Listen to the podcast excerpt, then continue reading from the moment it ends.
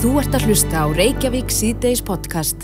Reykjavík C-Days klukkan 10 myndi gengin í 5 og uh, við ætlum aðeins að snú okkur að fjármálum borgarinnar en uh, það má segja að borgarstjóra og hans fólki hefur borist óvandu liðstyrkur frá, frá fyriröndi frangvandastjóra samtaka sunnlegarska sveitafélaga sem hann skrifar í grein sem hann skrifar á, inn á kjarnanum. Akkurat og, og greinin ber heitið Reykjavíkuborg stórskuldug eða hvað? Já. Hann Þorvarður Hjaltarsson er á línni okkur í dag. Kom til sæl Þorvarður. Já, sælur því. Já, hvað var til þess að þú ákvæmst að leggjast yfir bókaldið og, og bera saman tölur? Það er náttúrulega bara vegna þess að ég er svona blöskraði einlega bara málflutningur uh, ákveðin að borga fulltrúa í Reykjavík sem að er búin að halda því viðstöðlust fram núna í þó nokkuð langan tíma að stefni allt í óöfni á Reykjavíkborg og skuldi farið síðu afsendi og hérna ég þóttist nú svona vita betur. Það væri nú örglega ekki, ekki, ekki alveg samleikan og samkvæmt. Mhm. Mm Þannig að ég fór nú bara helga inn í gagna banka sambands íslenskar sveitafélaga sem er mjög, mjög fínar upplýsingar um, um fjárhag sveitafélaga og ímislegt fleiri þetta Mm -hmm. og þar var þetta tilfæðilega bara aðgengilegt að finna þetta út. Og hverjar voru svona Nið, helstu niðurstöðnur í, í þessari könnum þinni? Nið, niðurstaðan er nú bara svo að Reykjavík stendur og mörguleiti betur heldur öll hinn sveitafélagin og ég get nefnt sem dæmi skuldarlutfall sem oft er nú nefnt til sögunar og þar er við sem sagt uh, að uh, skuldir fara ekki yfir 150% af með eða ástekjum viðkomandi setjafélags mm -hmm. Með þessum tekið skulda vera. Þá reynda búið að lifta því það ekki núna tíðanveitu út af COVID en, en það skiptir ekki öllum álið þess tilfelli. Og árið sem að síðustu upplýsingar eru um er árið 2020 þar er skuldarhlutfall borgarsjóðs 90% hæsta skuldarhlutfallir er í hafnafyrði 160% og síðan eru mm -hmm. hins sveitafyrðin þar á milli reyndar í Garðabær mjög svituðum slóðum og Reykjavík Akkur, þannig að við hér í borginni við stöndum okkur bara vel samanbori við hinn sveitarfélagin á höfuborgarsvæðinu. Algjörlega og í raun og veru best. Þannig að þetta, þetta er sem, þessi afluti e, á sveikningsin sem það sem er sem sagt borgarsjóðurinn sem er fjármagnar af sköttum og tónustíkjöldum mm -hmm. og, e, og síðan er bérlutin það er þá fyrirtæki borgarinnar og annara sveitafélag ofta tíðum sameiglega fyrirtæki. Þannig að það, það er ekki tekið inn í þennan samanbyrð vegna þess að, að það gefur ekki alveg rétt að mynd. Besta myndin þess að því að, að skoða bæjarsjóðun og borgarsjóðun. En geta menn eitthvað verið að, að fiffa þessa tölur milli A og B hluta? Það tel ég ekki vera og, og hérna uh, það er þannig að það er náttúrulega fylgt bara ofnbæri reglum Mm -hmm. og þetta er endur skoðað að sjálfsögðu og þannig ég tel að upplýsingarna sem að þarna eru síður bara algjörlega standist algjörlega og mjög aðræðanlegar. Mm -hmm. en, en hvað heldur að valdi því? Nú við, vorum við að fylgjast með sko, prófkjöri í sjálfstæðarsflokknum hér í borginni Já. sem að fór fram síðustu helgi og þar var nú ymsar upplýsingar sem kom fram í viðtölum í aðdraganda prófkjörsins og, og því var oft haldið fram að skuldastæðan hér í höfuborginni væri gríðarlega slæm Já, er, er þetta bara kostningaslagur sem við erum að fylgjast með? Já, eða þekkingaskortur, ég veit ekki um það í sjálf og sér sko, en þetta er bara rátt uh, og það eru þetta, ef við nefnum sem dæmi, við ætlum að taka skuldir orkuveitunar inn í þetta, bara á Reykjavík bor 93% af því held, það er sveita fyrir afganginn. Uh, það fyrirtæki skuldar auðvitað tölvasta peningum en það hefur líka mikla tekið og er algjörlega sjálfbært. Þannig að það snertir um ekkert rekstur borgarn það er leitin því að borginn fær jú arðaf sinni ekkfar en hins veitafélaginu þetta líka og þá hlutir sér minni Ættu starri einingar að, að vera auðveldar í rekstri? Já, ég... Svona upp á starðar, starðar hagkvæmni að gera? Það er engið að því og ég, maður sér það er unnur á þessu öll þessu sveitafélag eru á, á þessu bíli sem að er svona innan, við, innan þeirra marka sem settir og það eru þetta erfiðir að reyka e, lítil sveitafélag sem þurfa að veita mikla tjónustu, sko, það mm -hmm. gefur auðvitað. En í þessum samabunum þínu þegar þú varst að fara yfir, yfir uh, og bera saman sérstaklega þessi sveitafélag og höfbrukarsönnu, hvaða sveitafélag stendur sér vest? Hva, hvað, hvaða fyrirtæki er í vestri stöðu fjárháslega? Sko, er kannski erfitt að dæma um það en það er eins og búin að vera mjög aðtiklisverð eh, þróun á sjálfdáninu sitt til þessu verða og hérna eiginlega alveg ótrúlegt sem sagt miða við við hvað það sveita fyrir e, e, hérna hefur bæði háa gældendur og eins e, fastegna skatta af, af, af tilkvöla dýru húsnæði þar hefur hafa fjármálinn fróast á að veri veginn en þeir standa ekkit illa í sjósir og ekkit mál fyrir að laga það mm -hmm. Og hérna nú hafnafyrður hann stendur annars svona frekar óðarlega í, í, í skuldum og, og hérna skuldum á íbúa líka það er annar mælikvæði sem er ágætt að horfa á skuldir á íbúa skuldir á íbúi í Reykjavík er 930.000 en það er 1600.000 í hafnafyrði Akkurat, og gefur það okkur ágætis mynd af, af fjárhagstöðinni? Bara heilmið svo sögu, það er þannig. Mm -hmm. Já, ég held að það sé... Ég held að kannski líka vekja aðtíkla á því sem að hérna, hérna kannski verið rætt mikið sem er reynda fram með mjög góður grein eftir Sigur Guðmundsson uh, skiplusræk sem að lengi vann hjá byggastofnun skrifaði hann í kjarnan fyrir nokkrum vikum. Uh, hann var að benda á það að Reykjavíkuborg e, þyrti að eiga mun hærri fjármunum til félagsfjónustu heldur en önnu sveitafölu áðursræði mm -hmm. og þau eru 70% hærri í Reykjavík heldur en svona meðaltæli hinn sveitafölum og á Íbúa er þessi tala 250.000 krónur. Í félagsfjónustu? Já.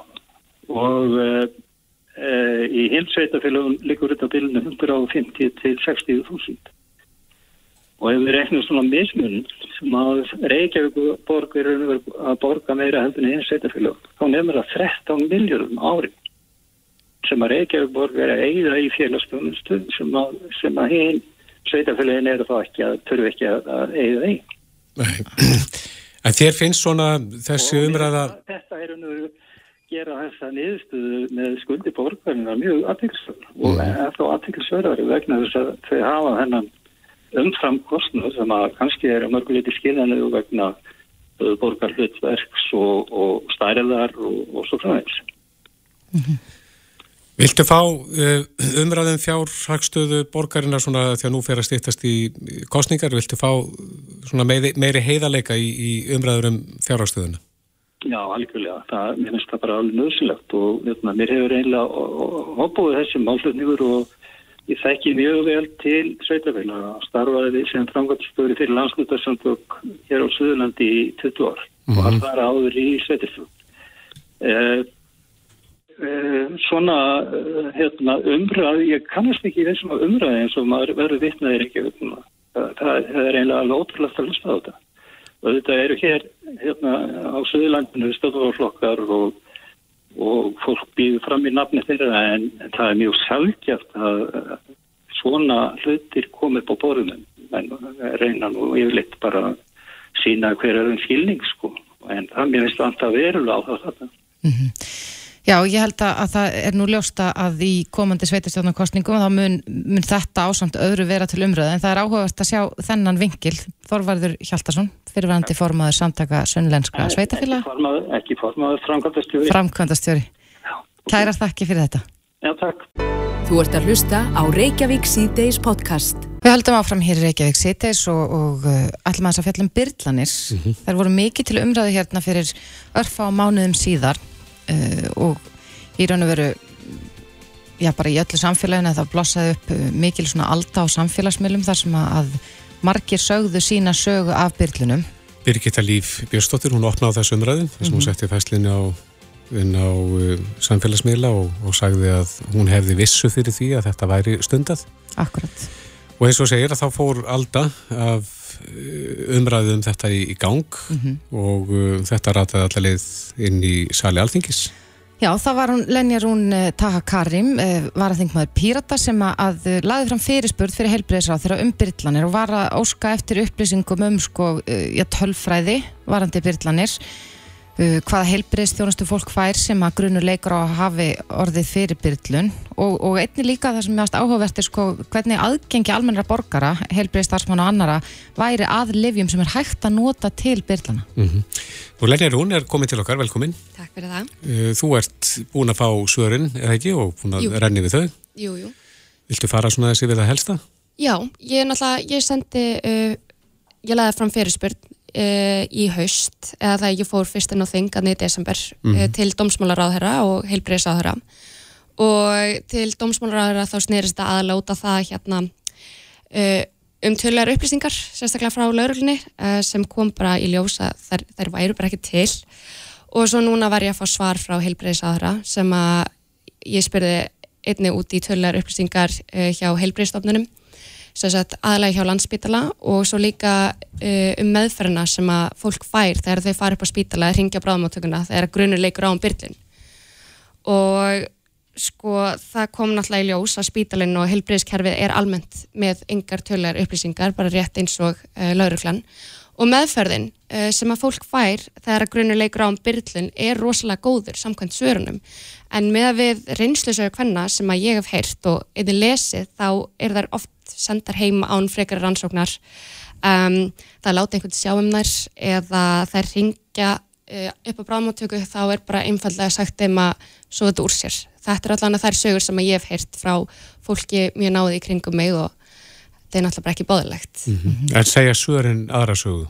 Sögurinn segja aðra sögu, vissulega, vissulega og þetta sko í svörunum þá er alltaf nota orðalagi þegar grunur leikur á um byrlun en ég, ég veit ekki hvað skilgreinir þegar grunur leikur á um byrlun ég meina ef einhver kemur inn á spítala og, og segir já ég held að mér hafi verið byrlað, ætti þessi mannskja þá ekki bara automatist að fara í einhvers konar rannsóknir og afveiturna meðferð mm -hmm.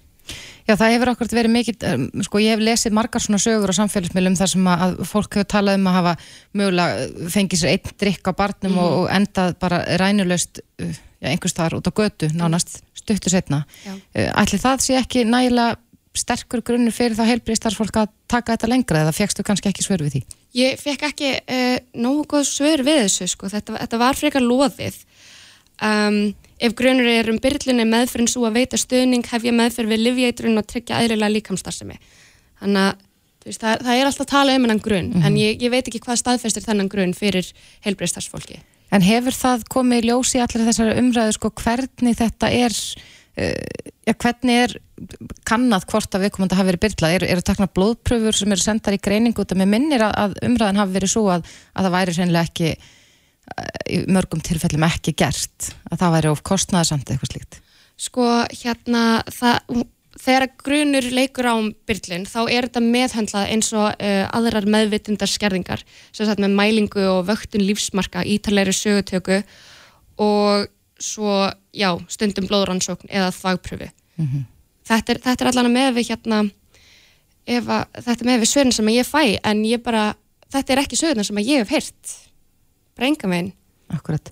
Eh, heldur að, nú hefur oft verið mikið talað um byrlanir og, og sko hvernig farið er að þessu og, og hversu margir verða fyrir þessu. Erum við semst bara reynilega ekki með tölfræði sem að mögulega endurspeglar raunveruleikan? Nei, bara því miður. Þetta, ég meina mest rosalega skrítið að hvorki spítalinn ég, lauruglan, segja með einhverju upplýsingar um þetta út af því að hérna, ég, ég, ég satt í hóp eh, rétt árni komingað og við vorum þess að þrjár stelpur í þessum hóp og restum voru strákar. Og, og ég spurði bara út í lofti, já hérna hefur ykkur verið byrlað? Og bara við vorum þrjár og okkur hafði, hafði öllum verið byrlað, veist, þetta er, er styrlið tölfræði. Mm -hmm. og ég mhm. skil ekki hvernig það er ekki haldið utanum þetta, ég menna við sáum það líka bara í sömar þar að reynslusöðunar fóru að flug, þetta hefur verið faraldur síðan fyrir aldamót. En því hefur líka stundu verið haldið fram að það getur verið eitthvað annað þar að baki er. En, en í raunverð kannski engi leið að koma staði hvort að um raunverulega byrlun hafi verið að ræða eða já, bara hennilega eitthvað tilfallandi. Nei, einmitt, nema þessi bara, nema þetta sé bara skrásett uh, og nema þessi bara tekna rannsóknir, það er að fólk verið upp á spítala. Mm. Hvernig var í þínu tilfelli? Um, ég hérna, ég bara man ekki eftir kvöldinu, ég, man, ég var ekkert að drekka nóg mikið, uh, ég var ekki að drakka náðu mikið vatn og ég var heldur ekki að fá mér ómarga drikki og svo mann ég svo ekki eftir kveldinu og vaknaði svo bara heimi á mér í, með einhvers konar frákverf þetta var rosalega skrítið um, ég gæti ekki hægt að æla, mér var rosalega óglatt gæti ekki hægt að skjálfa Mannst ekkert hvað gerðist um kvöldið? Nei, ég man svo ekkert hvað gerðist Eða hvernig þú komst heim? Nei, ég man svo ekki hvernig ég kom heim en ég man bara, þú veist, ég var búið með eitt bjórn mm -hmm. og svo bara blekkaði út og ég, þá ég segi sjálf frá þá, þá drekki frekar hóflega þannig að ég, þetta bara Þannig að þú telur ekki að neitt annað hefur átt sér stað þarna heldur en byrjum? Nei, nei, nei, nei, að ég, ég vaknaði heimið á mér og þú veist, mm. ég var alveg örug og ég, ég var með gott fólk í kringum mig og, allt svo leiðis þetta, hérna, þetta hefði getið að fara miklu verð en svo mann ég líka, bara, ég skildi drikkið minn eftir. Fór á klósetti og kom svo aftur og þú veist, það, það var ekki múin að taka hann. Og fyrsta hugsunum mín var líka bara að ég lenni að fá þetta en þú skildir drikkið hann eftir. En af hverju hefur verið að færa ábyrðina á mig? Ég er þólandin hérna og þú veist, konur eru þólandur ábyrðina að vera að færða yfir á gerendur. Og til dæmis núna þá er hérna, þá hefur domsmálar að reyndast að, að vitundavakningar herrferð þar sem að það er beðið fólkum að hafa augun opinn fyrir því að fólk sé örugt á djamminu og þeim sé ekki byrlað mm -hmm. en þá er bara verið að færa ábyrðina yfir á fólki sem er í kringum uh, okkur sem að verður byrlað. En er það ekki lægi að hafa augu og eru opinn til þess að lámarka skadan? Algjörlega. úr því að þessir aðilar virðast vera þarna á ferðinni? Algjörlega, jújú, jú, en svo, svo mætti líka bara taka þetta skrifinu lengra og færa ábyrðina yfir á gerendur og með því að fyrsta skrifu væri þetta með því að gera uh, byrlun að refsiverða broti í almennum hegningalögum. Er það ekki dag? það er ekki í dag, því miður. Þetta er eitthvað sem ég kem inn á í þingsálutina til uh, sem ég læði fyrir alþingi og hérna þetta er bara, þetta er held ég bara fyrsta skrifið. Væri það sérst fyrsta skrif, en hver væri fleiri skrif? Þarf til dæmis að taka þetta sem að þú ert að spyrja um hér eins og talar um sko bæðisvörum frá dónsmálur á þeirra og frá heilbriðis á þeirra, þarf að taka þetta fastar í tökum? Algjörlega, algjörlega. Ég held að líka þessi svör, þetta sýnir bara nú þurfum við að byrja að skrá þessa tölur niður. Nú þurfum við að byrja að taka þessum tilkynningum alvarlega og lauruglan þarf að fara að skráta niður og heilbreyðstarfsfólk þarf líka að byrja að skráta niður og bara, ég veit ekki, veita þessu fólki viðegandi meðferð þegar við mætum bara spítala á fyrstum og lögdögum eða meira svo virkum dögum. Akkurat, en það er uh, áhugavert áskildi minnast á þessa herrferð uh, eða vitundavakning og skemmtarnalífunu, það er akkurat hluti af svarinu frá heilbreyðsar þegar það sé svona þeirra viðbröð við þessum frásögnum. Já. En þú myndir vilja fara aðra leið til dæmis með því að gera þetta refsivert? Já, ég held það sko, hérna, veist, svarið við, hérna, við spurningunni einmitt, það sem að það er komið inn á þessa vitundavekningu, uh, þú veist, er, hann svarar með því að segja að máli sé flóki á fjölmörgum sviðum sem er vissulega rétt, en hérna, við erum búin að vera að vekja fólks til vitundar síðustu ár, bara nokkur ár, ég menna, hvenar var fyrsta MeToo-bylgjan, hún var fyrir nokkur árum, þetta er bara, mér er svolítið skrítið að það sé verið að taka þetta með fyrstum tökum núna, og það með veitundavakningarherferð um að hafa augun ofinn fyrir því að fólki sé byrlað frekar en að bara lögfesta þetta gera þetta refsefverður broti þetta er mjög flott herferð og ég bara ég, ég fagna því að við séum að gera eitthvað til þess að vekja fólk til veitundar en það þarf að taka þetta lengra mm -hmm. Já, Lenja Rún Taha Karim var að þingmaður býra þetta við skulum vona að þessi mál verið tekinn fastæri tökum. Kæra þakkir Takk fyrir fá mig Þetta er Reykjavík C-Days podcast. Ástandið á húsnæðismarkaði og leikumarkaði hefur mikið til umræðu og við erum að sjá alveg gríðarlegar hækkanir á, á húsnæðisverði Já.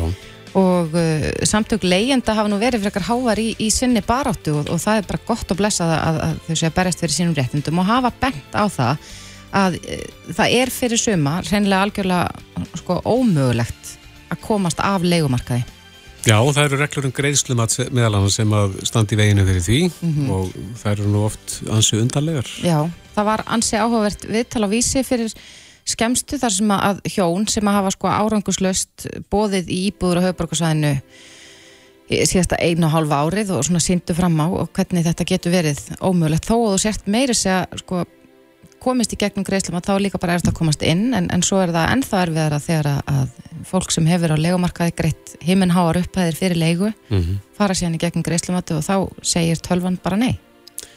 Já og heldur við fram að fólk get ekki greitt meira heldur en það hefur kannski verið að gera. Mm -hmm. En þingmenn viðrestnar uh, lögðu fram þingsáleitunar tillögu e, í dag þar sem er, er verið að taka á þessu og, og leggja til að já, ef að kaupandi hefur staðið skil á leigu fyrir íbúðarhúsnæði í 12 mánuði að þá teljist greiðslu geta hans samsvara sambærleiri fjárhæða mánuði og hann hefur greitt á tímabilinu. Já, og fyrsti fluttinsmaður þessari tilugu er komið til okkar, Dagbjartur Gunnar Lúðvíksson, var að þingmaði við reysnar. Velkomin. Takk hjá það fyrir, gaman að vera komin í það. Já, gott, gott að sjá þig. E, þörf á því að, að koma þessari breytingu í gegn? Já, já, við búum alltaf því að við það á, á markaði núna að, að það er miklu, miklu hagstara eiga húsnæði heldur en að leia. Mm -hmm. Það er bara búið að, að koma því þannig í kring á löngum tíma að fólk sem að áfastegnir fær alls konar meðgreyslu með því, skatta af slátt til dæmis með, með úttækt uh, eh, sérriðanlífisbarnað uh, eh, á meðan að fólk á leikumarkaði fær, fær húsalegu bætur sem að, að ná bara ekki sama marki, þannig að það er hagstaðar að vera á eignamarkaði heldur en á, á leikumarkaði og við sjáum það bara í tölunum. Það eru, eru fáur á leikumarkaði, 13% stjóðurinnar er á leikumarkaði af þeim eru innan við 10% sem segjast til að vera á leikumarkaði þannig að það er bara rétt rúmlega 1% þjóðarinnar sem vill vera á legumarkaði. Staðan er allt önnur í, í, í mörgum þjóðum í kringum okkur og hennu Norrlöndunum, það er bara heilbreðir legumarkaðar, fólk hefur raunverulegt val um það hvort það vil festa peningið sinn í, í fastegn og búa í eigin eign eða hvort það vil búa við sveianleikan uh, sem er á, á legumarkaði. Og meðan að hér er staðan svo að, að ef að þú átt í negin fastegn þá eignastu meir og meira eigin yfir æfina, byggir upp eignina yfir, yfir starfsæðina og meðan þú ert á leikumarkaði þá eignastu bókstæðileg ekki neitt og hjálpar rauninni bara að eiganda fastegnarinn sem og, og leigir þetta að eignast hana. Mhm, þannig að langt flestir mikill meirluti þeirra sem er á leikumarkaði reynilega bara vilja ekki vera en komast ekki af honum. Já og í rauninni þá er þetta bara vegna þess að fastegna markasmótiluð okkar er skakt. Það, það hygglir eigundum frekar heldur en leigendum og, og það er úrslega stort vandamála að, að breyta því, stort mál að breyta því um, þetta, þessi þingsfjöldunum til að sem að, að ég laði fram hún, hún breytir því ekki en hún er kannski alltaf plástur á sárið það mhm. gerir fleiri leyendum kleift að, að komast yfir þessa hindrun sem það er að eignast eigin fastegn og, og skapa sér og fjölskyldunum sinni betri tækifar og betra líf. Hvernig? Með því að til dæmis við, við erum með fjölmörg dæmi um fólk sem er að greiða hérna, heiminháa leigu á mánuði segjum bara fjölskylda sem greiðir 250.000 í leiðu á mánuði fyrir sambalt húsnæði og, og það gæti verið að greiða 180.000 í, í afborgunar á mánuði. Þannig að ef að, og, og fólk sem áfyrir útborgun stennst ekki greiðslumatt. Ef að þetta fólk gæti keift sambarilega fastegn, þá geta aukið hagsinn með því að hafa meiri ráðstöfnatekjur í hverju mánuði og á sama tíma verða eignast eitthvað. En út af hvað gengur þá ykkar til að hverju, hverju viljið breyta? Sko við viljum breyta því að, að gera lánveitendum heimilt að líta til þess að fólk hafi staði skil á leiðugreiflum. Það er að segja, núna byggir greiðslumatið bara á útreikningum með að við neysluviðmið félagsmáraðandisins. Mm -hmm. Það neysluviðmið byggir á, á meðaltölum sem að, að eru, eru reiknað á hagfræðingu þar, en endur speiklar ekki endilega neyslu uh, hvers og eins einstaklings. Séru? Endur speklar ekki raun töl akkurat, akkurat, þannig að okkar til að gengur út á það að, að draga inn í greiðslumatið heimil til þess að líta til þess hvað fólk hver greiðslu geta fólks í raun og veru er. En mega lánastofnun er ekki meða við þetta í dag? Nei, í dag er þeim það, það óheimilt. Ah, þannig að, að ef að þú stennst ekki greiðslumatið í dag þá er, er þeir allar bergir bannaðar en með þessari breytingu þá er þeim heimilt að skoða það að, að að fólk sem hefur verið á leikumarkaði 12 mánuði lengur með þinglistan leikusamning geti og hafi staði skil og greiðslu sem að er herri eða jafná og, og, og lánið sem að, að þeim stendur til bóða. Akkurat. En maður hefur heyrst akkurat mjög mörg dæmi af, af fólki sem að, greiðir, það leiguverð hefur þetta líka farið mikið upp. Greiðir heiminn háa leigu.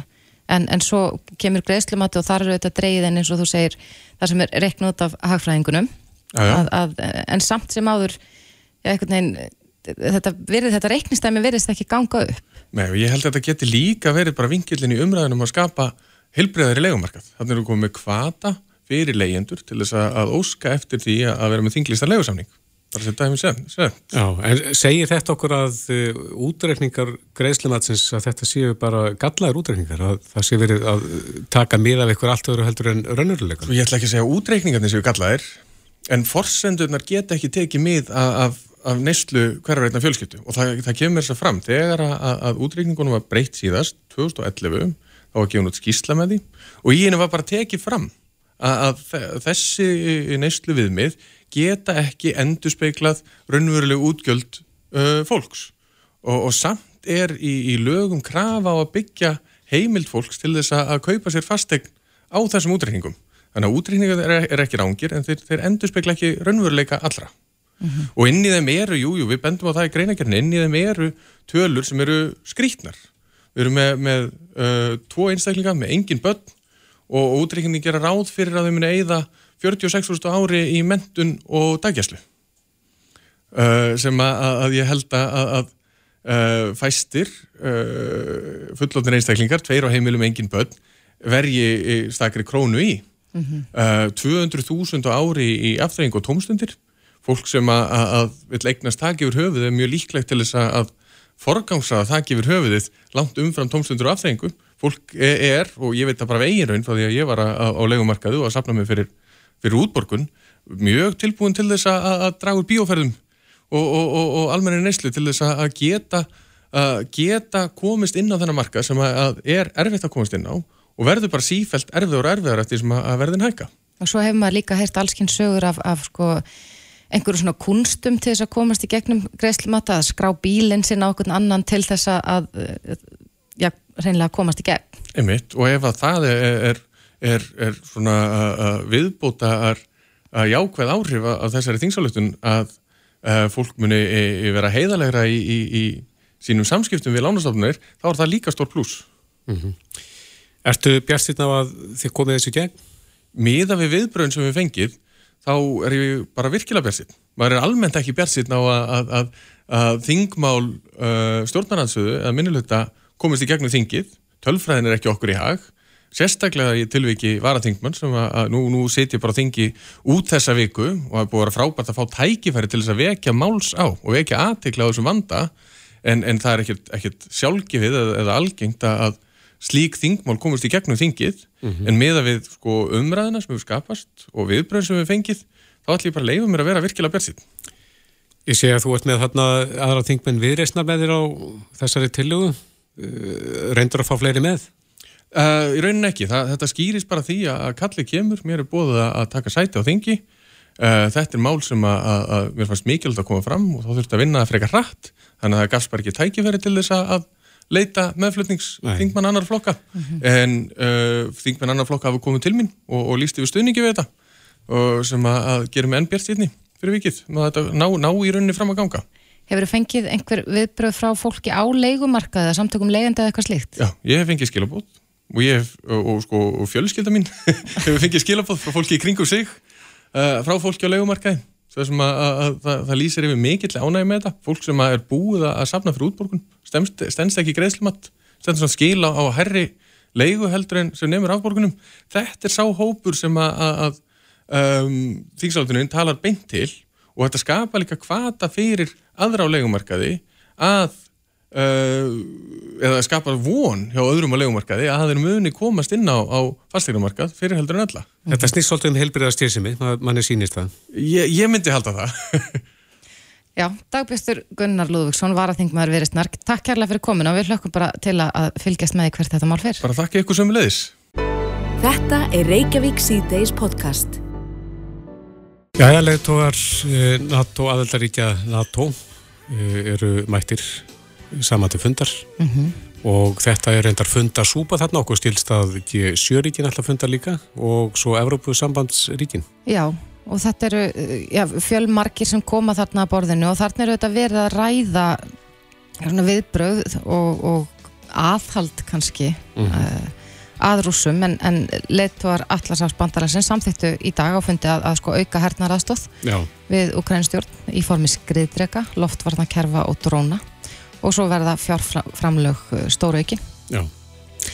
Baldur Þorvaldsson, stjórnmálafræði profesor og komið til okkar, velkomin. Komið þið sér.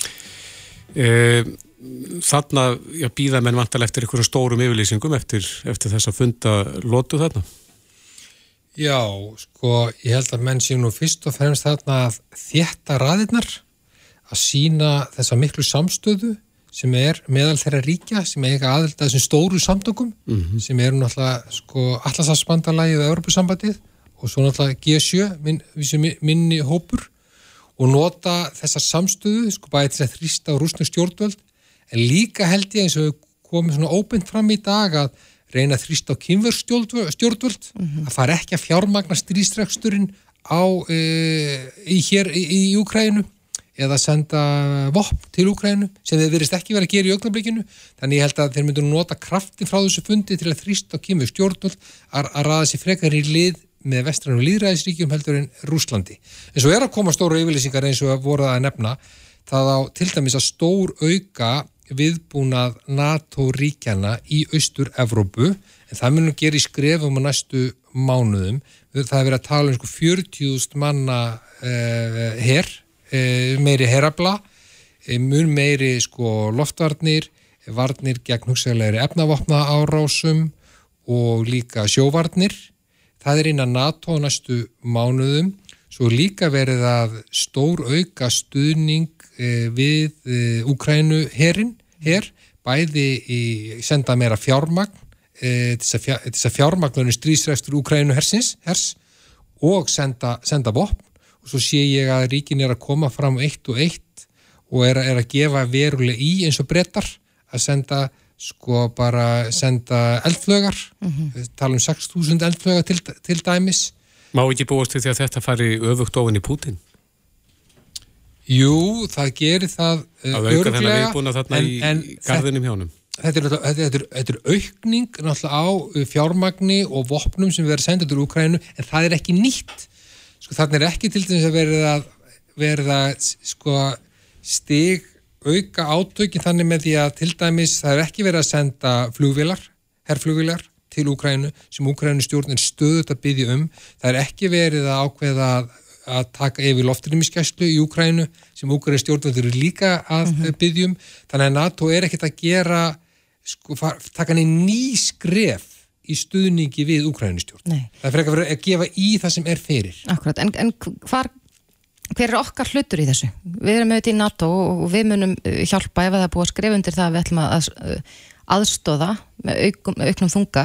Uh, hvað gerir Ísland? Já, sko, það, er, það er aukinn krafa á aðaldaríki Allasafsbandalagsins að verja meiri fér til varnamála núna og svo mun krafa mun koma fram E, sko eitt er að taka við flottamönnum sem mun kosta heilmikla fjármunni og, og vinnu að sinna þeim hérna, það er náttúrulega fyrir utan allarsvarsbandalagið. Ég tók eftir því í hátíðisrættum Bilgjuna hér í vikurinn, þá talaði fórsættisfráður um að Ísland gæti komið að auknum aðla netvörnum með sérfræði þekkingu og, þessi fjármakt til, til netvarna bandala, bandalagsins, en maður gæti líka hugsa sér að það ekki mannabla sinn í í, í formi borgarleira sérfræðinga í Eistrasaltsríkjónum. Mm -hmm. í, í dag eru þrýr ísleitingar í vinnu í fjölþjóðaliði NATO í Eistrasaltsríkjónum, einn í hverju landi að sinna borgarlegu verkefnum í upplýsingamiðlun.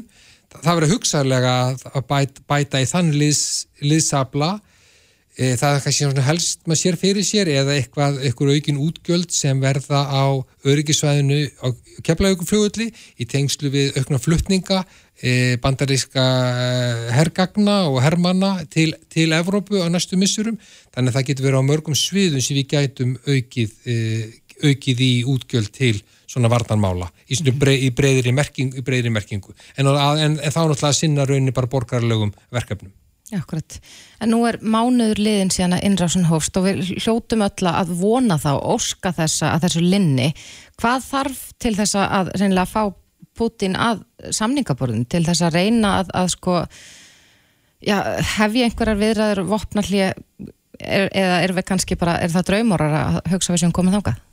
Ég það er nú góð spurning vegna þess að rauninni fósitt Úkrænu, hann hefur gefið eftir í helstu ágrænsefninu og það er yngangan í NATO. Mm. Hann hefur sagt ofinberlega að Úkræn sé, sé tilbúið að gefa, gefa það eftir að, að það muni ganga í NATO mm og það dugur alls ekki til. Hann er fórsitt Úkræninu líka búin að opna á klárlega bara möguleikan að fá að, neða í Rúsland fá bara einfallega að halda Krímskaga og Dombasjéröðunum í austur Úkræninu. Þetta dugur samt ekki til að Pútini vilji setjast niður með honum og ræða málinn. Þó að séu þessu einhverja viðræður ennbættismanna í gangi og það er náttúrulega mikið vekt að, að svo sé. Vandamálinn er náttúrulega semja við e, Pútin og hans stjórn er það er ekkert að marka, marka það sem, það sem við segja það, það, er, er, náttúrulega, vandin og það verður að segja kannski að það sem er að gerast í dag í Brussel og er að koma frá þessum uh, leittóum og þessum ríkjum það er engin sko grundvallar breyting hérna ferðinni og þó að sé til mun aukna refsjaðgerði, það er líka komið út úr þessu, bæði hjá, sko, hjá NATO-ríkjónum, Európa-samfunnsríkjónum og G7 þó að þessi ríki séu náttúrulega mörg hver þau sömu aukna refsjaðgerðir, það er ekki sem ég sé sem sko gjörbreytir stöðunni varandi stríðsraksturinn í Úkrænu, það þarf eitthvað meira að gerast til til þess að svo verði. Og það gæti til dæmis verið ef að þessi ríki ná að fá Kína með sér í lið þannig að kínveg stjórnvöld bak við tjöldin, eða ofnbærilega fara þrýst á rúsnum stjórnvöld að láta af, af, af, af e, ja, vopnaskækinu í Ukræninu. Það var helst eitthvað þannig sem geti skipt máli og ég sé það bara spurningu bladamanna, til dæmis til Katrínar, e, að það er það sem mennur er alltaf að velta fyrir sér e, hvernig þessi ríki munur reyna að fá Kína til þess að vera með sér í liði, en ekki rúsum. Er ekki leikilatrið að Kína blandi sér svona með afgjörnandi hætti í, í þetta? Það er það ef við ætlum að láta ykkur, ef þetta er á, ef að breyta ykkuru vegna þess að meðan að Rúsland getur stunda e, viðskipti við Kína, Indland og Pakistan það, það dregur það mjög úr sko biti refsi aðgera Vesturlandana. Auðvitað eru það að býta ykkur marki en Rúsland munum bara einfallega að flytja viðskipti sinn yfir til, til Asju og ef þeir geta það þá býta refsina aðgerðanlega ekki, ekki eins. Og ég tala ekki um eins og með voru hrætturum fyrir nokkru dögum og, og kom fram hjá bandarísku stjórnvöldum. Þeir voru hrætturum það að Kína ætlaði bara að fjármæka styrksræksturinn og það var tala um það að Kína myndi fara að senda bara vopn beint, beint sko á ekruðnar í Úkræðinu, á sléttur Úkræðinu sem nú rúsa getur nota, þá er það náttúrulega mjög alvarlegt og þá er, ef að það er því raunin við vitum ekki ennþá hvað Kína ætla nákvæmlega að skipa sér í lið, ef það verður raunin þá erum við að tala um enn breyttari heimsmynd heldur við horfum fram á í dag. Þá erum við að tala um allræði síkin, Rúsland og Kína gegn e, líðræðisríkjunum og það er það ennþá erfiðari staða og, og gjörbreyttari staði í heimsmálunum heldur við horfum fram þá í dag. Akkurat. Já, eins og nú rættum við hérna áður um fórum í lofta þá, þá eru ansi mikið að fréttum að berast og, og, og kannski erfitt að átta sig al, almennilega ástöðun en heldur þú að, að þessi fundur, að þessir fundir í dag muni ég seifa við einhverju? Sko ég get ekki séð í augnablíkjunu að það er það drastíska ákvarðin séu teknar að það er gjörbreyti stöðunni á jörðunniðri að maður segja sem svo í, í átökunum í Ukrænu það er hins vegar það sem aukin, stór aukin fjárútlá til úkrænska hersins og aukna vopnarsendingar til hans gera samt sem áður Úkrænu her e, kleift að verjast lengur. Það er alveg auglust. Þeim er farið e, að sögna her, her, hernaðsjárfræðinga farið að vanta vopn og fjármagn þannig að það mun gera þeim kleift að verjast lengur. Þannig geta varis rúsum lengur og þannig að það sem er, það er stórmerkilega það sem er gerast á jörðu niður í Úkrænu að e, sókn rúslandska hersins hefur eiginlega stöðvast og það er alveg stórmerkilegt og Úkrænumenn eru er með þess að ná sumu svæðum eða eitthvað, já, svæðum á, band, á, á, á vald sitt aftur. Mm -hmm. Það hefði engin átt vona því fyrir viku síðan. Þannig að þeir eru að sína alveg sko ótrúlega mikið afreg gegn, sko, gegn ofurefli í rúsneska hersins sem verðist vera mjög illa skipulagður illa fjármagnaður og það er bara allt í voli verið sverið í, í strístrekstri rúsa í Ukrænu, miða við að það afli sem þeir ættu að hafa. Akkurat. Já, við komumst í mér ekki lengra sinni með þetta en Baldur Þóraldsson, professor í stjórnmálifræði við Háskóli Íslands. Þakka kærlega fyrir komina. Takk ykkur. Reykjavík síðdeis á Bilginni podcast. Við tölum um það í gær, eh, hvað maður er fann að heyra ætja hljóðið í fugglónum. Já, og tölum við Sigga Stormaðins um já, vorið Já. sem virðist vera að koma hann talaði nú um einhver, einhver, einhver þrýsting og ýmislegt í veðrinu sem að svona gefur til kynna að vorið sé að koma Einmitt. þó við munum jafnvel sjá páskarrið og Já. þekkjum þetta alveg Einmitt. en uh, hins vegar að þá, þá finnum maður það bara á loftinu Já. að það er svona, já allavega pínulítið voruloft Hítamælirinn hann síndi sjögráður í morgun, Mhm. þannig að þetta er allt saman á upplið. En nú er sko komin tími til þess að fara að huga að garðverkunum, svona þeim fyrstu, akkurat svona hvað á hverju. Auður Óttesen, reittstjóri Sumarhúsins og, og Garðsins er á linni, kom til sæl. Komið sæl. Já, við tölum við þið þegar við erum að pakka garðinu saman, en nú þurfum við að fara, er það ekki að undibúa? Nú fyrir við að flytja hann út. Já. Og Jú, hver eru er- fyrstu verkin? Sko sko, þetta er eiginlega svona fyrsti dagur í vori núna í dag, það er dásamlega dásamlegt veðrið. Mhm. og nú er um að gera bara að fara að brína klippurnar Já, og taka fram sægir og, og aðtökort að verkfæri sér í lagi. Mhm. og nú má fara að snirta og klippa limgerð snirta trén, taka fyrstna greinar og ef eitthvað þarf að, að fjallæga höggva bara niður. Og síðan hérna e, má bara fara að hérna taka af limgerðinu já, og muna hafa það svolítið svona aðlaga svo að e, ljósið nái að skína í suma niður á alla hliðina Já, Já. þannig að maður á klippa limgerðið svona svolítið aðlaga eins og segir. Já, já Já, Flest limgerður eru trift svolítið aðlaga. Það er, það er blátoppur og ykkur örfá sem að má vera kassalaga en, en aðlaga er svona reglan í þessu. já. en hvað með grasið, öður? Þarf maður eitthvað að huga að því? Hvernig Nú, það sko, kemur undan nú- vetri? Sko núna er klaki nýlega farin af og maður bara lætur grassi svolítið verið í friði. Margi vilja fara í mosapælingar og tæta mosan. Ég held að neginu alveg bara leifa honum að hlýfa svolítið lengur. Fara ekkert í það fyrir byrju mæ. Já, Og, en núna er tíminn sko fyrir þá sem að vilja forrækta sumablóm og grammeti. Þá er það í mars og í, fram í miðjan april. sem á að stinga niður. Nei, þá bara kaupir maður sér fræ og, og sáir í litla potta og ræktar upp og setur svo út í júnibyrjun eða í lokmæ. Já, ræktar bara inni. Og svo kartaflutnar, já, svo er náttúrulega þetta kartaflutnar spýra. Og það er, það, þegar maður byrjar á því að þá er stutt í vor, sko. En Það er ég, alveg fjóra til sex vikur sem maður lætur það spyrja. Það er svo margir sem gleyma því og svo munar það allt í einu svona hálfu mánuða áður en að þeir ætla að fara að setja niður. en, en það er bara, þarf að huga því bara núna. já, en sko, auður, ef ég man rétt, þá töluðum við saman hérna í örglega síðasta haust og, og þá varst að tala um að, að, þá væri góðu tími til að setja nýr lauka sem myndur síðan sko blómstra um vorið. Er, er að koma að Já, því að þetta fara að blómstra? Já, nú, núna ættu krókusarnar að fara að koma upp og ég veit að þeir eru komin upp úr einstakgarði, þeir eru byrja, þeir eru svo lóan og koma á svipum tíma já, og páskalilirnar í hlýjum görfum eru að fara að stinga upp kollinum, svo er þetta hvert af öðru. En svo er líka til nýðu og, og lauka sem eru setti nýður sko forræktaði núna, þá er þessi vorlaukar, svona daljur og svona fallega blómstrandi plöntur. Þannig að fólk getur farið og keft þannig lauka núna og fara að setja á niður. Já, það er lang ódýra sko. Þá, ertu, þá ræktar það bara inn í eldurskluka, í stofuglukka í pottum vold og hérna vökva vel og, og sinnir því og þá ertu komið fallega plöntur í mæ. já. En þeir sem að vilja auður uh, prófa ávakstatrið eða rækta þau núna, er Já, komið tími bara- til þess að verða sér út um slík?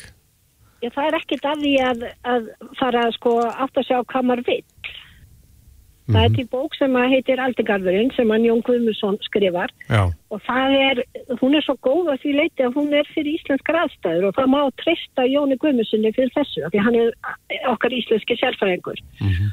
Og sum þeirra eru, eru hargir og þóla vel að vera úti. Þannig að, að hérna maður þarf að kynna það, maður þarf að velja réttu trén. Og í gróðrastöðunum þá hafa þeir flesti vit á því hvað henda þér og síðan er sko kannski ekki fyrir en undir eh, já, miðjan, miðjan april sem gróðastöðnar fara að opna og, og, búin að stilla vörunni til sölu. já, já. Þannig að en nú er bara tími til að googla og láta sér dreyma. Það er bara ekki spurning. En hvenar er rétti tími til þess að, að setja ábyrðin í beðin og slíkt? Það er algjörlega fyrir að fara að, að, að gera það fyrir en að frost fyrir jörðu og, og trén fara almennilega á stað. Þau eru svolítið í dvala ennþá Mm og það er ennþá frost í jörðu. Já. Þannig að það Er mi- ekkert að segja. Er miða við sumadaginn fyrst eða eitthvað slíkt fyrir það? Já, það er, það er, það er, of, það er eiginlega bara ofsnefnt fyrir svona kyrni. en, en sumardagi fyrsti, jú, það gæti alveg, sumardagi fyrsti gæti verið ágætur tími, en ef þú ert að gefa svona blákortna þá gefur þú bara lítið einu og gefur tvær, þrjá gæðir yfir sumarið, en í raun og veru ef maður væri með hrossaskít eða einhvern lífrana ábur, þá má fara að setja hann niður svo að nái aðeins að brotna niður og verður þá tilbúin fyrir sumarið, sko. Já, yfir grasið Jú, í gardinu. Já, þess vegna, sko, ef þú vilt fá einhverja skítalikt í garði. en þú vilt bara fallegt gras. Sko þá er, ég myndi aðeins stóka og leiða græsunu aðeins að lifna við á þú ferði einhverja slíkar aðgerði. Já, akkurat. Það er alveg mánuður, einna hólu mánuður í það. Já, en að brína klippina segir nú, nú á að svona, taka dauðar greinar af og slíkt. Já, já, en, en samt sko þeir sem er með svona einhverja skrúkarða, fína rósir og dúlir í, mm -hmm. ég myndi ekkert vera að klippa það fyrir enn í mæ sko því þá eftir að koma Óskarhitt eins og sagður á það og, og, og þá getur það kalið meir og farið verð og þá er ekki gott að vera búin að klippa og mikið. En allt annað í gardinum er óhætt að klippa. En mm það er eitt enn, þetta er ekki búið. Nei, segð okkur. Nei. Spennandi kakar eh, sko, síkrönd gróður.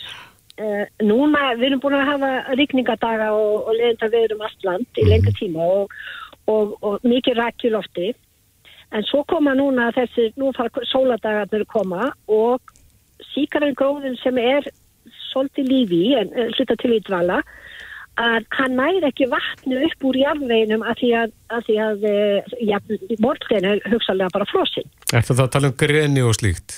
Já, og bara er svona einir og þú getur ekki elst við kannski stóra plöntur en svona litla plöntur, dúluplöntur í garðinum, síbrus og, og, og, og hérna juniperus, nú tala ég bara latinukakar mm -hmm. og hérna þessar minni runna að þeir geta sko brunnið af völdu sólarina því það er engi rak að koma frá rótonum yfir í greinarnar og barrið og það topnar það bara upp þegar sólinn skýna á það. Og þarf þá að vögva?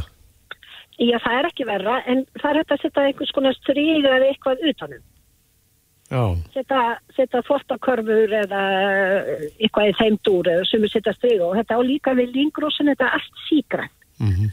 Og það er svolítið skýrt að sko missa kannski einhverja 20-30 konar plöntur úr garðinum uh, bara í sólfiski. Akkurat. Já, það er greinlega mörg að huga. Já, það er aldrei, þetta er rosalega spennjandi tími núna. Já, og bara gaman fyrir þá sem að eiga garð og vilja Já. sko rækta hann Já. að bara byrja núna á því sem að hægt að gera. Já, og svo fara, þeir sem er með gróðrús og fara með kaffibotlan og byrja að sá út í gróðrúsi, það er bara, þetta er svo, what a jefabækningur, sko, fórsíða. Já, akkurat. Já, auður átti senn, gaman að heyri þér og fyrsti dagur í, í voru í dag segiru, þannig að það er um að gera að fara að brína. Kæra þakki fyrir Já, þetta. Já, það er bara vel með það. Það er það gott. Sömulegis, bless, bless. Bless, bless. Á Bilginni podcast.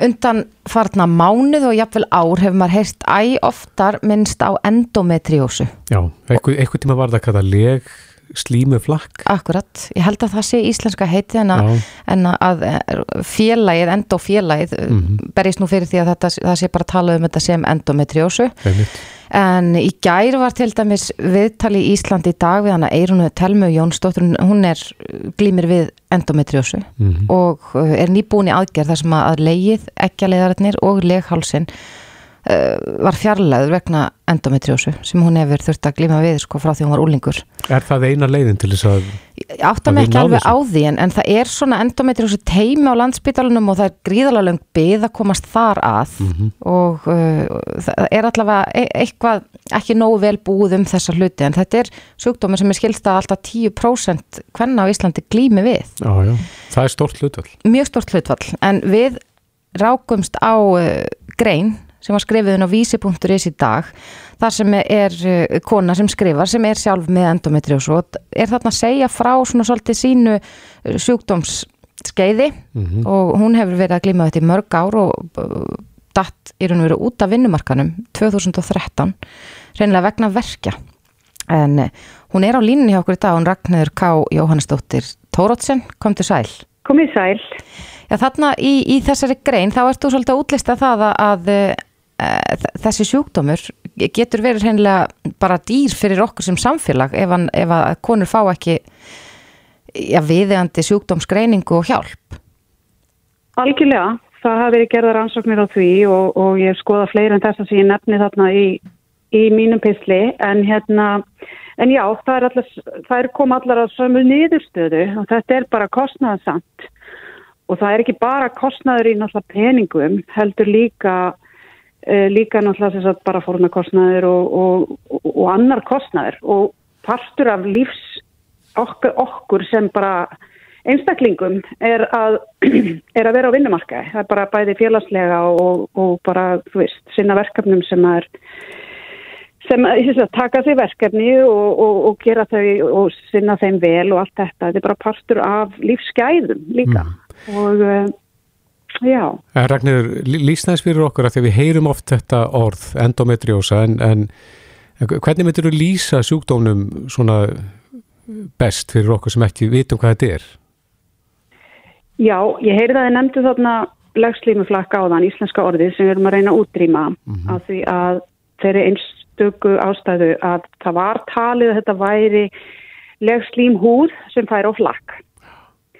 En það er ekki þannig og þess vegna um, viljum við, þetta er reyni rámkeiti í reyninni, ég gefur villandi upplýsingar. Mm. Um, þetta eru frumur sem að eru sem sagt geta verið, hafa fundist allstæðri líkamannum og þá eru að tala um alveg frá sko upplókum og heila og bara þú veist og nýri tær um, það er haga sér að mörguleiti svipað og krabba meginn, það er, það er flakkum líkamann og setjast á líffæri og, og hérna og bara í rauninni skemma þau bara bóra sér inn í þau það er, það er búið til hérna samgróninga ég geta valdið einsum skada eins og það er konurum með snúna undið upp á eggjastokka ég var til dæmis sem er ægsli á ristlinum sem á búið að bóra sér í gegnum fjögur, eh, þrjú lög af fjórum var að mhm. komast í gegnum ristilina mér og þannig er þetta bara eins og sinu veldur og fer út um allan líkama og veldur þessum skada sem að sem að, sem að gerir ef ekkert er aðgert Mm -hmm. og uh, þess vegna er svo áriðandi að greina þetta snemma og meðhandla þetta snemma.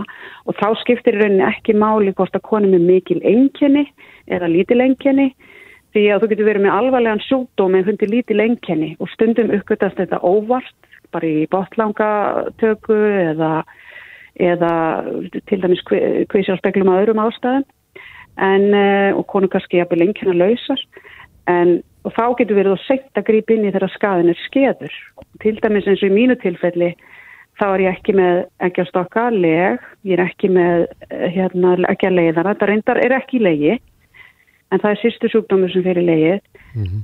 og ég er búin að missa einhverja 13 cm á rislinum og uh, einhverjum eittlum þar í kring og er með skatta á þáblöru og mér grunar að það sé eitthvað meira því að ég er ekki einnkjörna laus trátt fyrir að hafa farið þrjusasinnum í speiklanir.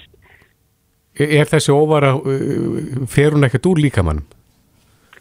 Nei, hún gerir það ekki nefnum sér skorin í burtu mm. og aðferðina sem hefur verið beitt undafarin, eða svona, svona er algengasta aðferðinin og ekki bara á Íslandi, heldur út í heimi, það er í rauninni að brenna ofanaf Það er í rauninu ímyndum okkur kannski bara á sérst að slá grasið og það er túnfívill í grasinu hjá þér og þú slær grasið og fívillin hverfur mm -hmm. en næstu vikur hann komin aftur að þú tókst ekki rótina.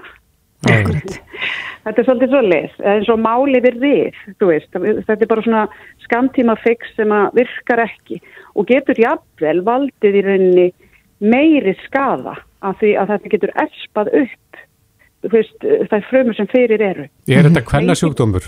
Þekkist hann ekki hjá körlum?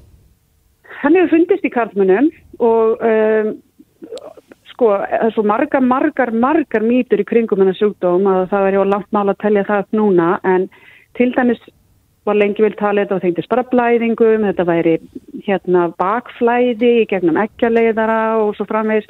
Það fá það alla konur en það eru samt bara 10% þeirra með endometriósi. Mm -hmm. Þetta hefur fundist í um, fóstur, fósturum, andvana fósturum, þannig að þetta hefur rauninni ekkit endilega með blæðingar að gera. Þetta er genatengtu sjúkdómur og er meðfættur að einhverju leita á það. En, en sko, nú heyrir maður æg oftar sko sögur ykkar sem að, að sko glíma við þetta og þeir lýsið þessum óbærilegu verkjum og, og bara skertum lífsgæðum og, og eh, eins og, í, eins og í þínu tilfelli bara hreinlega að missa starfsketuna Uh, en hvað, hvað þarf að gerast, hvað þarf að breytast ég vísaði aðeins á hann hérna í viðtal við hana Eirunu sem var í Íslandi í dag í gær þar sem hún talar um hún hafi komið stað hjá endoteimi landsbytalans, þar er uh, lung byggð en hún hafi síðan á endanum farið hérna upp í klíník í ármúlanum og greitt Já. þar fyrir aðgerð hjá lækni sem er sérfræðingur í þessum málflokki. Já. Hvað þarf að breytast? Það, það, það sem þarf að breytast er að það þarf að skera sjúkdóminn í burtu með ákveðni tækni sem er kallið excision skurðtækni. Þannig að þetta er krónisku sjúkdóminn, þannig að það er engin lækning. En það er hægtan á 70-80% árangrið, samkvæmt þeim rannsóknum sem ég hef lesið, með þessari excision skurðtækni. En þá þarf sér þjálfaðan lækni til þess. Fyrsta lagi er þetta það hefur þessi sjúkdómi marga byrtingamindir og ég sé ótal myndir til dæmis frá úr aðgerðum, frá sérfræðingum ellendis, það sem að ekkert sést í rauninni í kviðarhólinu, hann er að sína kannski læknir en þetta er það sem ég sé þegar ég skoða í speiklun. Svo er, sýnir að næstu mynd, þetta er það sem ég sé ef ég skoði smásjárkviðsjá. Þá sjást blettir. Svo sýnir hann kannski þriðjumyndina, þetta er það sem kemur í ljós þegar ég byrjar að skera. Og þá er kannski allt morand og grasserandi undir, undir efstu lögum slímhóðarinnar. Þannig að það þarf að hafa þá þekkingu og þá færni því það er náttúrulega mjög flókið að skera í líffæri á þess að skatta þau en samt þannig að náur öllu og það er ekki hver, hver kvænsjötumalækni sem getur gert það en þeir virðast margir hverjir hafa þá tiltrú á sjálfum sér og því miður og þá er þetta ego bara reynlega að ganga frá okkur upp til hópa sko. En er Jón, er Jón Ívar Einarsson, uh, Já, er hann sá eini hér á landi sem, að- sem að gerir Já. þessa skurðaðgerð sem þú myndist á? Já, hann er svo eini sem gerir þessa hérna skurð aðgerðir með þessari tækni og hann er svo eini sem að þekkir allar byrtingamíti sjúkdómsins. Frumöndan geta verið glæra, það geta verið þú veist, hvítar, gular, rauðar, bláar, svartar. Einu sem var talið að væri alltaf bara svona svartar blóðfylltar blöðrur. Og eins og ég segi, hann, það þarf að hafa þessa smá sörkviðsjá til að sjá líka. Og uh, það þarf að hafa tíma. Það þarf að hafa tíma til þess sem er ekki bóðininn upp á landsbítala það er bara ákveðin tími skaffar í hverja aðgef fyrir sig og endurkonur er ekki forgangi þar. Og læknir þarf að geta þú veist, gefið sér tíma til að skoða hvert líffæri og, og lifta upp, þú veist, og skoða undir og svo framvegis.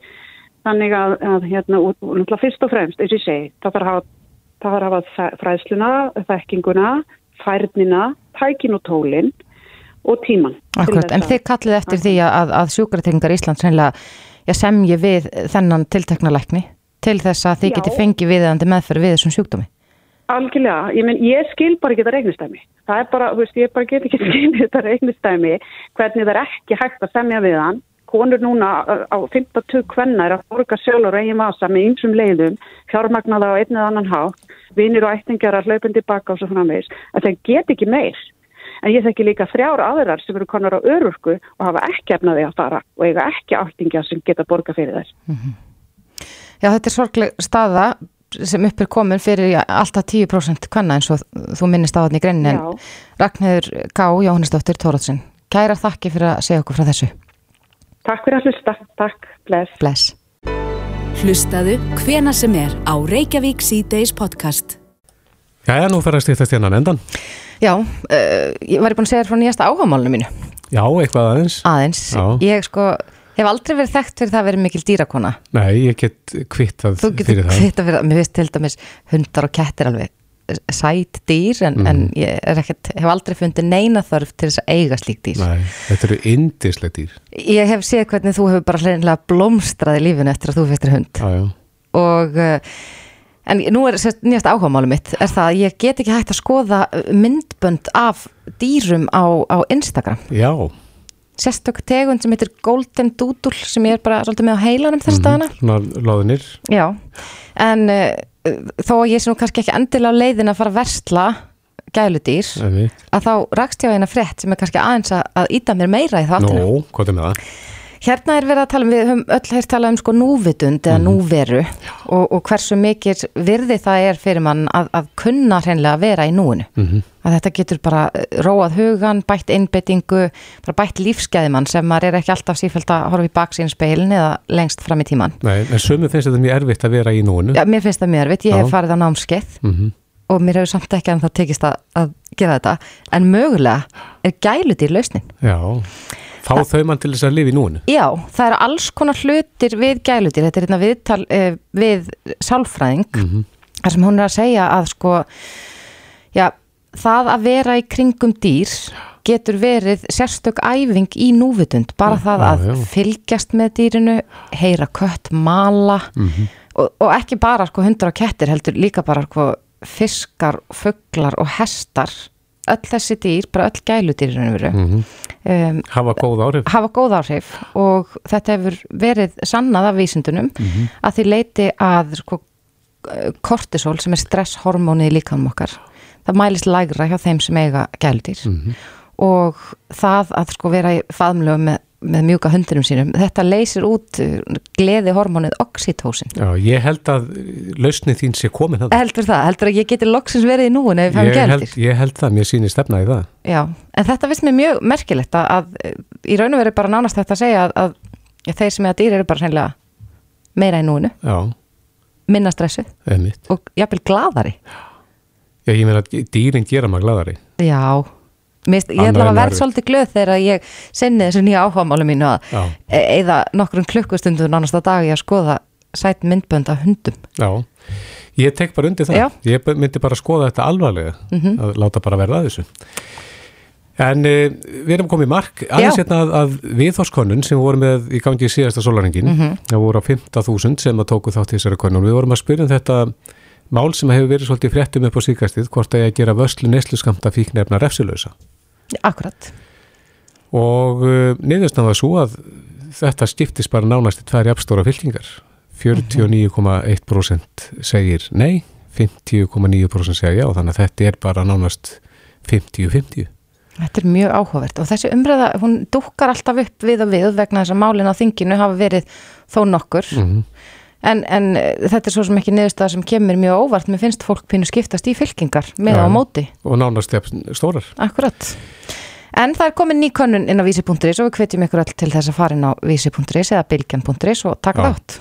En við erum að koma í mark, eh, við minnum á það að við þáttarins eru komin inn á vísi.is og náttúrulega inn á Bylgju appið. En Þórdís Bræði og Kristoffer verða hér aftur á ferðinni klukkan fjögur á morgun. Verið sæl. Reykjavík síðdeis á Bilginni podcast.